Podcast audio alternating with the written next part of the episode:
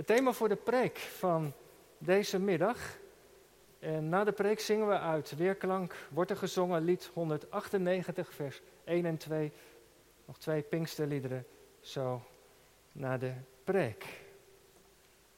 Het thema voor de preek dus, als God blaast. En ik heb tussen haakjes drie woorden gezet. Over Jezus, de Jezus, over bekering en nieuw leven. Dat zijn de drie punten van de preek zometeen. Gemeente van Christus de Gouden hier in de kerk en thuis verbonden. Op de eerste dag, op de eerste Pinksterdag in Jeruzalem, horen we niet allereerst de stem van mensen. Zeker, we lezen dat 120 mannen en vrouwen de geest ontvangen, vervuld raken met de Heilige Geest, dat ze beginnen te spreken in andere talen, de talen van de pelgrims die daar in Jeruzalem zijn. Die horen over de Heere God in hun eigen dialect. Het is een heel bijzonder gebeuren. Maar dat is niet het eerste. Pinksteren begint als de hemel begint te spreken. Als God zijn adem uitblaast over de stad. De stad Jeruzalem is vol met mensen. Pelgrims overal vandaan, ze zijn naar Jeruzalem opgetrokken om het Pinksterfeest te vieren, het feest van Shavuot. Het feest van de eerstelingen van de oogst. Ze zijn gekomen om de Heere God te danken voor de gewassen zijn zegen in de natuur. En als eerstelingsgave bieden ze aan hem in de tempel iets daarvan terug. En tegelijkertijd zijn ze ook dankbaar, want dat vieren ze ook, dat God in der tijd zijn wet aan het volk heeft gegeven. Dat maakte Israël verschillend van alle andere volken. Wij zijn het volk uitverkoren. God heeft zijn wet aan ons gegeven. En op de vijftigste dag na Pasen laat de hemel van zich horen. In Jeruzalem klinkt de stem van God. Zo lezen we in vers 6. Het geluid, een phonē, een stem. En Lucas vertelt dat dit geluid het hele huis vervulde. En dat is niet de bovenzaal uit hoofdstuk 1, vers 13, waar ze samenkwamen om te bidden en te wachten, maar het is het gebouw van de tempel. Dat is de plek waar de geest komt, de plek waar God zich kenbaar maakt, openbaart. Dat is in het Oude Testament ook vaak het geval. In Koningen 8, als Salomo bij de tempelwijding, dan komt daar de wolk van God, de heerlijkheid die neerdaalt. Of als, als Jezaja, Jezaja 6 in de tempel is, dan is daar ook een visioen van de heerlijkheid van God. En dan beeft de dorpel doordat het waait. Lucas vertelt dat in die tempel bijzondere dingen gebeuren. En ze komen samen op het derde uur van de dag, dat is negen uur in de ochtend, in de morgen. Dat is de tijd van het morgengebed in de tempel. Dus het gebouw, dat is de tempel, een van de zalen, of de, de, de zuilengangen. En daar, die mensen die daar samengekomen zijn voor het morgengebed, horen een geluid. Het geluid van een geweldige wind. Letterlijk staat er het geluid als van een geweldig stormende wind. Nou, afgelopen dagen heeft het ook wat gewaaid in Gouda. En je, en je hoort het zuizen van de wind. En de stormwind is in het Oude Testament altijd een symbool voor de majesteit en de aanwezigheid van God. En het woordje dat Lucas gebruikt voor, voor wind, dat is in de Griekse vertaling van het Oude Testament altijd de vertaling voor ruach, voor de geest. Met andere woorden, precies dat gebeurt er daar in Jeruzalem. Op de eerste Pinksterdag blaast God zijn ruach uit over de stad, over de mensen daar in de tempel. Zijn adem blaast door al die gebouwen, daar op het tempelplein. En de tempel moet je weten, dat is de snijplaats tussen, de snijvlak tussen hemel en aarde. Het is de plaats waar de hemel de aarde eraan raakt. Dat was de gedachte achter de tempel. En als Gods geest wordt uitgestort, dan gaat de hemel opnieuw open. Die was al een keer open gegaan toen Heer Jezus werd gedoopt. Misschien kent u dat, dat, dat verhaal wel. Dan, dan wordt hij gedoopt in Jordaan, dan gaat de, de hemel open en dan daalt de geest neer. zoals een duif neerdaalt. En dat is het. De hemel gaat open en de wereld van God daalt neer daar op de aarde. En dat, dat, dat werkwoord wat Lucas hier gebruikt, dat wat vertaald is, is wat lastig te vertalen met windvlaag. Daar zit het werkwoord vero in, wat dragen betekent, verder brengen. Wij kennen dat wel als een geluid draagt ver. Je hoort een geluid en met de wind mee, dan kan je dat mijlenver nog horen, als het een doordringend geluid is. En dat is dus wat er gebeurt. De wind die daar waait, die draagt iets mee. Van de hemel naar de aarde. De geest daalt neer als een duif op de wind. En God blaast zijn adem uit over de stad. En als je wat vertrouwd bent met de Bijbel, dan zou je kunnen denken, hè, de geest gaat over de herschepping, dan zou je terug kunnen gaan in het begin van de tijd naar de schepping. In Genesis 2, vers 7 staat dat de Heere God, Yatsar, dat is, is vormen, dat is boetseren, dat de Heere God vanuit het klei, stof van de aarde, een mens omhoog boetseert. Zo staat het er. En dan blaast hij zijn ruach in de mens. En dan wordt de mens tot een nefes chaya, tot een levende ziel, tot een levend wezen. Als God zijn levensadem in de mens blaast, komt de mens tot leven. En dat is wat er hier in Jeruzalem gebeurt. Gods ademt, God ademt de Heilige Geest uit. En de Geest, dat is zijn heerlijke tegenwoordigheid. Die komt daar in Jeruzalem, in het gebouwen van de tempel en vervult het huis. En begint de harten van de mensen te vervullen. En vanaf dan ja, is de geest aanwezig. In de gemeente, in de gelovigen. Wat daarin op de eerste Pinksterdag gebeurt, daar zitten twee kanten aan. Er is iets eenmaligs en er is ook iets blijvends. En de theologen hebben daar allemaal mooie termen voor: heilsordelijk en heilshistorisch. Heilshistorisch, dat is het eenmalige aspect. Als de Heer Jezus in de hemel terugkeert en de geest komt, dan komt hij om te blijven. Dat maakt de Heere God niet meer ongedaan. Dat is in de heilsorde een belangrijk heilsfeit. Het eenmalige is dat de geest wordt uitgestort om te blijven. En vanaf dan heet de gemeente de tempel van de Heilige Geest, de gelovigen tempel van de Heilige Geest. En dat maakt de Heere God niet meer ongedaan. Eenmalig heilshistorisch. Maar er zit ook iets in wat zich herhaalt. Heilsordelijk, om zo gezegd. Elke keer weer.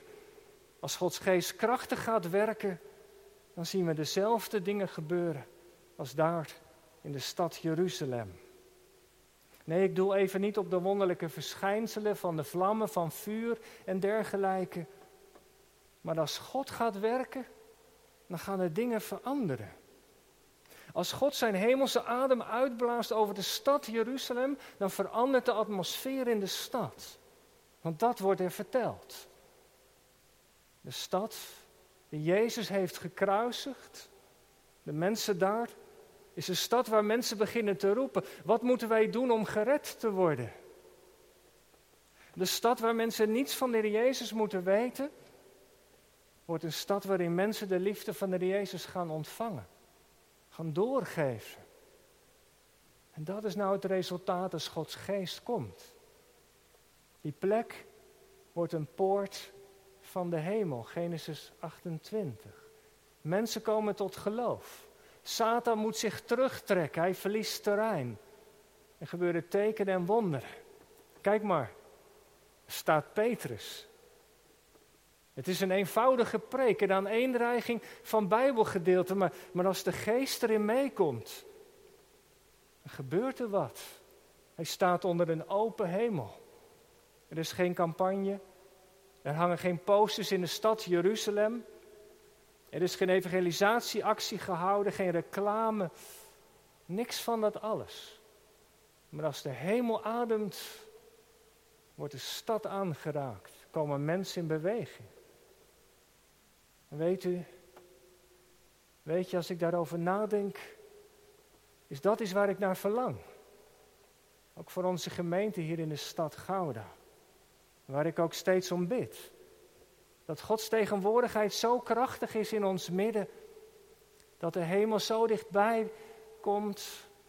Dat harten worden aangeraakt. Mensen die zomaar zitten te kijken. Nu te luisteren. Dat levens openbreken. Voor de Heere God. Dat er tekenen en wonderen gebeuren. Dat mensen in de stad Gouden ontdekken. En dat is niet zomaar een oud boek. Maar dat gaat over een levende Heer. Dat ze zien dat de Heere God niet veranderd is en dat zijn liefde doordringt, zijn lichtstraal in de duisternis. Ook in de duisternis van corona. Pinksteren. Het heeft iets eenmaligs en ook iets blijvends. Wat is er dan blijvend? Wat is er dan wat zich steeds weer herhaalt? Als Gods geest gaat werken, ik noemde het al drie dingen volgens mij. Eén, het zal altijd gaan over de Heer Jezus. Over bekering. Drie, over nieuw leven. Alle drie even stil. Bij alle drie sta ik even stil. Als Gods geest komt, als God zijn geest uitademt over de stad, over mensenlevens, dan zien we steeds weer opnieuw. Blader het boek Handelingen maar door. Er is op elke bladzijde één naam die steeds weer terugkomt. Dat is de naam van de Heer Jezus. Overal waar de apostelen preken, gaat het over de Heer Jezus. Hij is de ene naam waardoor wij gered moeten worden. En dat is de geur, de toonzetting van apostolische prediking. Had de Heer Jezus ook trouwens tegen zijn discipelen gezegd. In de voorbereiding op zijn sterf in de bovenzaal toen hij met de discipelen samen zat, had hij gesproken over de troost. En als de trooster zou komen, wat zou hij dan doen? Dan zou hij het uit het mijne nemen. Had de Jezus gezegd. Dan zal hij alles wat ik jullie gezegd heb in herinnering brengen. De geest verwijst naar de Jezus, naar wat hij heeft gedaan. En als Petrus daar dan staat en hij begint te spreken, dan gaat het over de Heer Jezus. En Lucas vat zijn prediking samen in vers 36. Kijk er nog maar, laten we er nog even naar kijken, vers 36. En dan laat dan heel het huis van Israël zeker weten. Want dat is het kern van, van de boodschap van, van, van, van apostel Petrus. Dat God Jezus tot een Here en Christus heeft gemaakt. Namelijk deze Jezus die jullie gekruisigd hebben. Die u gekruisigd hebt. De focus ligt dus op wat de Jezus heeft gedaan. Want in hem heeft, heeft God zijn handen naar die opstandige stad, naar de opstandige mensen uitgestoken. Jezus is de reddingsboei. Die wordt geworpen in de mensenzee. Hij is de deur, de weg, de waarheid en het leven. Hij vormt het hart van het evangelie. Hij is de kern van de verkondiging van de kerk. Maar let op, Petrus spreekt met twee woorden. Heren, en Christus. Curios in het Grieks en Christos, gezalfde. Wij kunnen het woordje Christus het beste maar vertalen met Messias. Jezus is de Curios en de Messias, zegt hij in vers 36. En op de achtergrond zit dit. De apostelen gaan de wereld in, verkondigen het evangelie. Maar waar beginnen ze eerst? Bij de synagoge, bij het Joodse volk. En daar verkondigen de Heer Jezus als de Messias, als de Christus, als de gezalfde. De Messias die beloofd was in het Oude Testament, waar de wet van sprak en de profeten. Hij die al die beloften vervult. En ze, ze sporen de Joodse broeders en zusters aan om de Heer Jezus als de Messias te erkennen. En dat was natuurlijk voor ze niet gemakkelijk. Want ze hadden een andere beeld bij de Messias. Dat was ook een, zat ook een politieke component aan. Als de Messias kwam, zou hij het volk bevrijden. En zouden zeker de Romeinen niet meer in het land blijven. En dat heeft de Jezus niet gedaan. Hij heeft ze niet verlost van de vijand van de Romeinen. Maar hij was gekomen om ze te verlossen. Van een heel aantal andere vijanden. Van de zonde. Van de duivel en de dood. Een beeld van de Messias was anders. En ook nog dat die Messias, zoals Jesaja 53 zegt, zou lijden en sterven. Dat hij zijn leven zou geven tot verzoening voor de zonde van het volk als de leidende knecht, dat paste niet bij een beeld.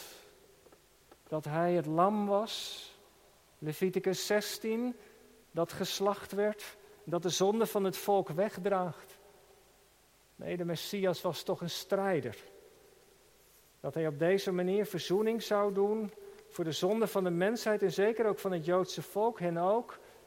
Dat was het aanstootgevende, dat wat schuurde in het evangelie.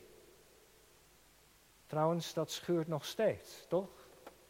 Toen Jezus gekomen is voor Jood en Heiden, want dat, ja, roept de vraag op, ben ik dan zo slecht? Heb ik vergeving, verzoening nodig dan? Is God zo boos op mij dat er iemand voor moet sterven? Kon het niet anders? Maar het is langs deze weg dat God het kwaad gebroken heeft. En zo heeft de Jezus verzoening gedaan. Voor iedereen. Die met hun leven, met zijn of haar leven naar hem toe komt, mag vergeving ontvangen. Deze Jezus die jullie hebben gekruisigd, daar, daar, daar, daar zit een hele kritische aspect in, de boods, aspect aan, aan de boodschap. Die Jezus, die in jullie leven geen plaats had, heeft God opgewekt. Hij was het toch. Geloven is dat erkennen.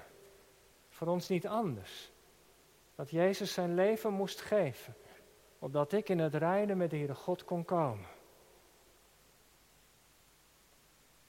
En hoe is dat bij jou, bij u? Heb je gewonnen gegeven van de Heer Jezus? Mag Hij je heiland zijn? Dat was een appel wat elke keer weer in de prediking naar de mensen toe kwam en ook vanmiddag naar ons toe komt. Jezus is de, de leidende knecht, de Messias, die de zonde heeft verzoend. En dat andere, dat zat er ook bij. Dat was het dubbele van de prediking. Dat zei de, de apostel ook, hij zou Curios. Want ze gingen naar de synagoge ook verder het Romeinse Rijk in. En ze kwamen in allerlei plekken waar mensen leefden die geen Jood waren. En wat was hun taal? De taal van de Romeinen. Wie had het in het Romeinse Rijk voor het zeggen? Dat was de keizer. Hij noemde zichzelf Curios. Nee, zeiden de apostelen, is een andere Curios en dat is Jezus. De keizer dicteerde met zijn macht en met zijn soldaten wetten. Hij dwong mensen tot erkenning. Maar de apostelen komen en ze verkondigen niet de keizer, maar ze verkondigen Jezus als Heer. En dat verandert alles. Dat is ook een heel radicale boodschap. Wat nu, moeten wij niet langer verantwoording afleggen zoals de keizer dat dicteerde aan de keizer, maar aan Hem die Heer is over hemel en aarde. Nu worden mensen opgeroepen om Jezus, om aan, de Heer Jezus, aan de Heer God verantwoording af te leggen van hun leven. En weet u, het was de kern van de boodschap van de apostelen. Elke keer weer als zij het evangelie verkondigen. We kennen de apostolische geloofsbeleiders met de twaalf artikelen, maar de oorspronkelijke beleidenis is nog korter. Maar twee woorden. Jezus Curios. Jezus is Heer. Dat is de oudste beleidenis. Wie tot geloof kwam in de Heer Jezus als de redder van zijn leven, werd ook aangespoord om Hem te erkennen als de Heer. En de Heer betekende degene die het in mijn leven voor het zeggen heeft. Dat betekent controle uit handen geven. Niet wat ik wil, maar wat wilt u eigenlijk, Heer? Dat was de boodschap.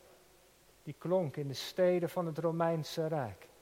En met Pinksteren is door die boodschap heen ook de geest meegekomen. En dat is zo belangrijk. En Paulus heeft het zo goed onder woorden gebracht. Want niemand van ons kan zeggen, Jezus is Heer, dan door de Heilige Geest. De Geest komt in de prediking mee om te werken wat wij niet kunnen bewerken. Om te geven wat wij niet onszelf niet kunnen geven. Hij werkt het geloof, hij opent onze harten. En dat is het. De geest komt erin mee. Het is Pinksterig geweest. En als hij komt, dan richt hij de schijnwerper de persoon van de Heer Jezus. En dat is belangrijk, dat is een eikpunt ook voor de kerk, denk ik. Het moet in de kerk nog veel radicaler over de Heer Jezus gaan. Hij is de deur. In zijn naam is er redding. We zijn vaak zo druk met, met allerlei binnenkerkelijke zaken. Met onze agenda's en vergaderingen en commissies. En er moet ook veel georganiseerd worden. Maar het bestaansrecht van de kerk hangt af van die ene persoon. De persoon van de Heer Jezus. Hij is het hoofd van zijn kerk. En tegelijkertijd het fundament. Zonder Hem kunnen we niets. Alleen met Hem is er zegen. En daarom gaat het steeds weer over Hem. En dan het tweede. Er is nog iets. Als die boodschap van de apostelen dan de synagoge bereikt, de steden binnenkomt, dan zien we ook dat de apostelen een appel doen om op de mensen. Om te geloven. En zoals ze dat vroeger zeiden, het appel van geloof en bekering. En de vraag klinkt dan daar ook in Jeruzalem. Maar als dat dan zo is, wat moeten wij doen? En dan klinkt het woordje bekering. Dat was trouwens ook al zo bij de prediking van de Heer Jezus. Ik weet niet of u zich dat herinnert. Als de Heer Jezus in zijn publieke optreden gaat beginnen, dan is dat ook de boodschap. Het koninkrijk van God is nabijgekomen. Bekeert u en geloof. En dat bekering centraal staat, is ook wel te begrijpen. Als je iets van de Heere God wilt ontvangen, dan moet je lege handen hebben. Om Hem, de Heer en Heiland van je leven, te laten zijn, dan moet je dat toestaan. Dan moet je opgeven wat je zelf allemaal zo belangrijk vindt. Om te kunnen ontvangen wat God belangrijk vindt. En weet u, voor alle duidelijkheid, er zijn twee soorten bekering. Bekering met een hoofdletter en bekering met een kleine letter. Bekering met een hoofdletter, dat is de radicale ommekeer. He, zoals zo'n Tom zegt, maak een U-bocht. Die radicale omkeer is dat je oude leven opgeeft en de Jezus gaat volgen. Wat die veertien mensen van vanochtend hebben gedaan en hopelijk u ook. Toen ze een jaarwoord gaf. Ja, wij willen de Heer Jezus volgen. Dat is de bekering met een hoofdletter. Maar de bekering met een kleine b, dat is je dagelijkse toewending naar de Jezus die je al kent. En weet je, ik moest denken aan een gaskraan. Misschien herkent u het wel als je een caravan hebt of een huisje. Dan moet je als je daar weer komt na lange tijd alle kranen weer openzetten. En dat zal niet bij elke gaskraan zo zijn, maar je hebt van die kranen die dwars staan. En dan moet je ze openzetten in dezelfde lengterichting als de buis. Want dan kan het water, dan kan het gas weer stromen. Ze staan dwars, dan zijn ze dicht, maar dan moet je ze opendraaien in dezelfde richting. En dan is de opening zodanig dat het water of het gas er doorheen gaat. Bekering met een hoofdletter is dus dat die kraan van dwars in dezelfde richting komt te staan. Door die bekering raak je verbonden met de Heer Jezus, door het geloof. Je bent om zo te zeggen geen dwarsligger meer. Het water, het gas kan door de leiding stromen. En zo verbonden met de Heer Jezus stroomt de geest door je leven heen. En bekering met een kleine letter B is dat die kraan telkens weer de neiging heeft om, om dicht te gaan. Dan moet je hem weer openzetten. Want als die dicht gaat, dan belemmer je de doorstroom van de geest. Soms zit je op een bijbelkring, word je daarop gewezen, soms ook in de prediking. Dan vraag je de Heere God om hulp. Als het even in je leven niet zo gaat. Als de Heer Jezus verder weg van je verwijderd raakt, dan is die dagelijkse bekering nodig. Bekering met een hoofdletter, dat is dus de U-bocht. En daar riep Petrus de mensen toe op. Maar bekering met een kleine letter is de dagelijkse toewijding aan de heiland.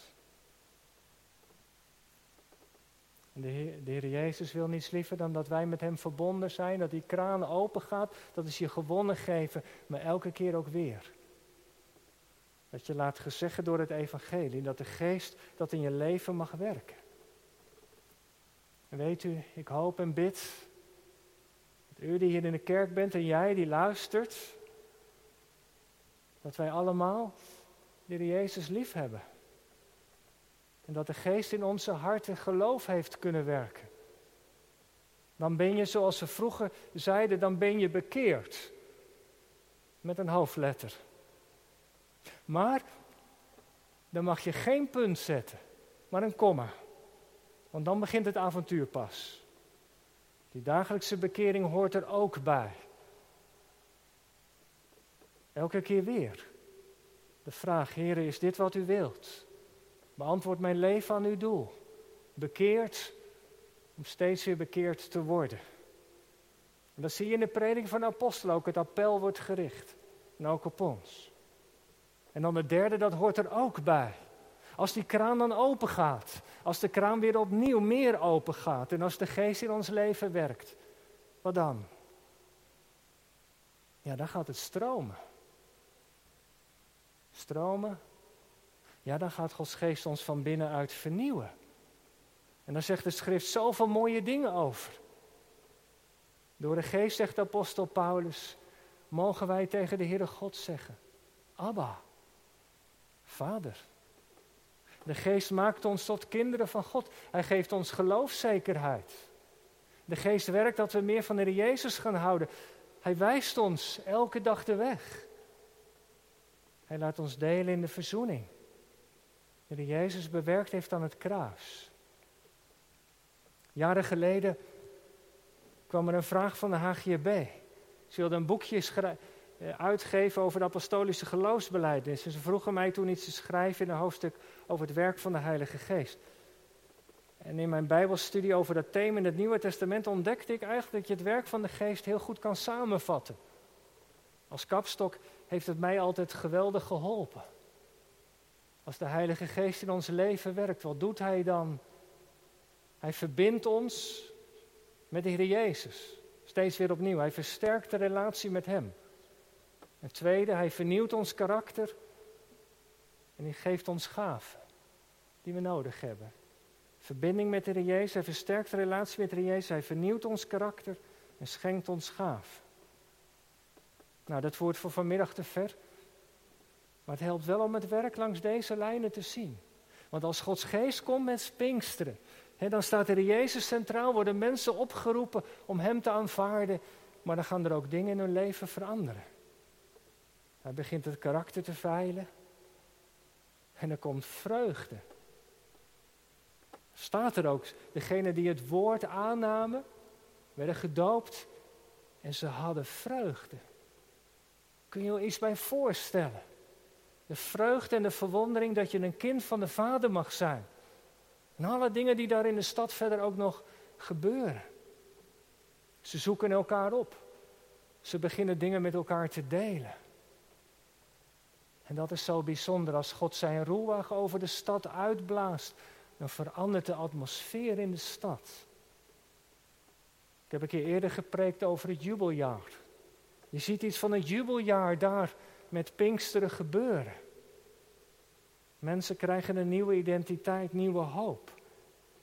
En de Heer Jezus leert ze ook om met zijn ogen naar de mensen te kijken die de Heer Jezus nog niet kennen. En ze beginnen met elkaar te delen. Vanuit de overvloed wat ze van de Heer hebben ontvangen. Ze beginnen erover te spreken. Er is zoveel wat verandert daar in de stad Jeruzalem.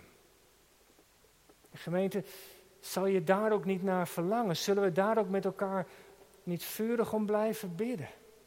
Want dat hebben we zo nodig vandaag de dag dat Gods geest ons weer opnieuw vult. Dat we het gaan delen, dat die vrijmoedigheid er komt. Die stad waarin onze kerk staat, al zoveel eeuwen lang erdoor wordt aangeraakt. Dat mensen gaan vragen, maar, maar wat heb jij nou dat je zo hoop geeft? Waarom hebben jullie het nou steeds over de Heer Jezus? Wat voegt Hij nou toe aan mijn leven? Dat we iets kunnen delen van wat we van Hem hebben ontvangen. Zullen we daarom blijven bidden? Ook als Thy Kingdom is afgelopen. Zoals we zo meteen gaan horen. Ik eindig met het gebed van het lied dat we zo zullen horen. Stroom, o vloed van Gods genade, in gemeente, huis en hart. Laat in overvloed zich baden, wie door dorheid wordt benat, benard. Laat het uit Gods hemel stromen, in de kerken wereldwijd. Nieuwe liefde, nieuwe zangen, kracht die zielen tot u teelt. Schenk uw stroom aan wie verlangen, dat God zelf hun dorst eens steelt. En ook dit lied. De beloofde werd gezonden en de kracht uit God kwam neer. Laat ons juichend keer op keer zijn verschijning gaan verkonden. Heden is het Pinksterfeest. Loof en dank de Heilige Geest. Amen.